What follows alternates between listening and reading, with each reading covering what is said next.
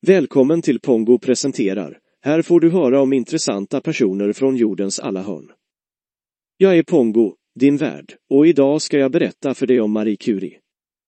Marie Curie var en polsk-fransk fysiker och kemist som är känd för sina banbrytande upptäckter inom radioaktivitet och för att ha varit den första kvinna som tilldelats Nobelpriset.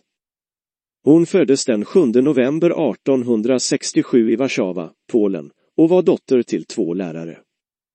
Marie Curie utbildade sig till fysiker och kemist vid Sorbonne i Paris, där hon senare också blev professor. Tillsammans med sin man, Pierre Curie, upptäckte hon de radioaktiva grundämnena radium och polonium år 1898. År 1903 tilldelades paret Nobelpriset i fysik för sina upptäckter inom radioaktivitet. En rolig och personlig detalj om Marie Curie är att hon var mycket envis och fokuserad på sitt arbete. Hon var så upptagen med sin forskning att hon ibland glömde att äta och sova. När hon var mitt uppe i ett experiment kunde hon till och med glömma bort att hälsa på besökare eller svara i telefon. Marie Curie fortsatte att arbeta med radioaktivitet och dess tillämpningar under hela sitt liv. Under första världskriget arbetade hon med att utveckla mobila röntgenenheter som kunde användas på slagfältet för att hjälpa till att diagnostisera skador. Hon var också en stark förespråkare för att använda vetenskapen för att hjälpa mänskligheten.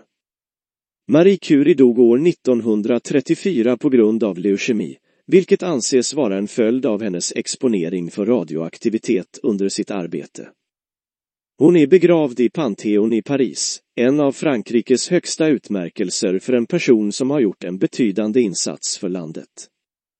Sammanfattningsvis var Marie Curie en av de mest framstående vetenskapskvinnorna i historien och en av de främsta pionjärerna inom radioaktivitet.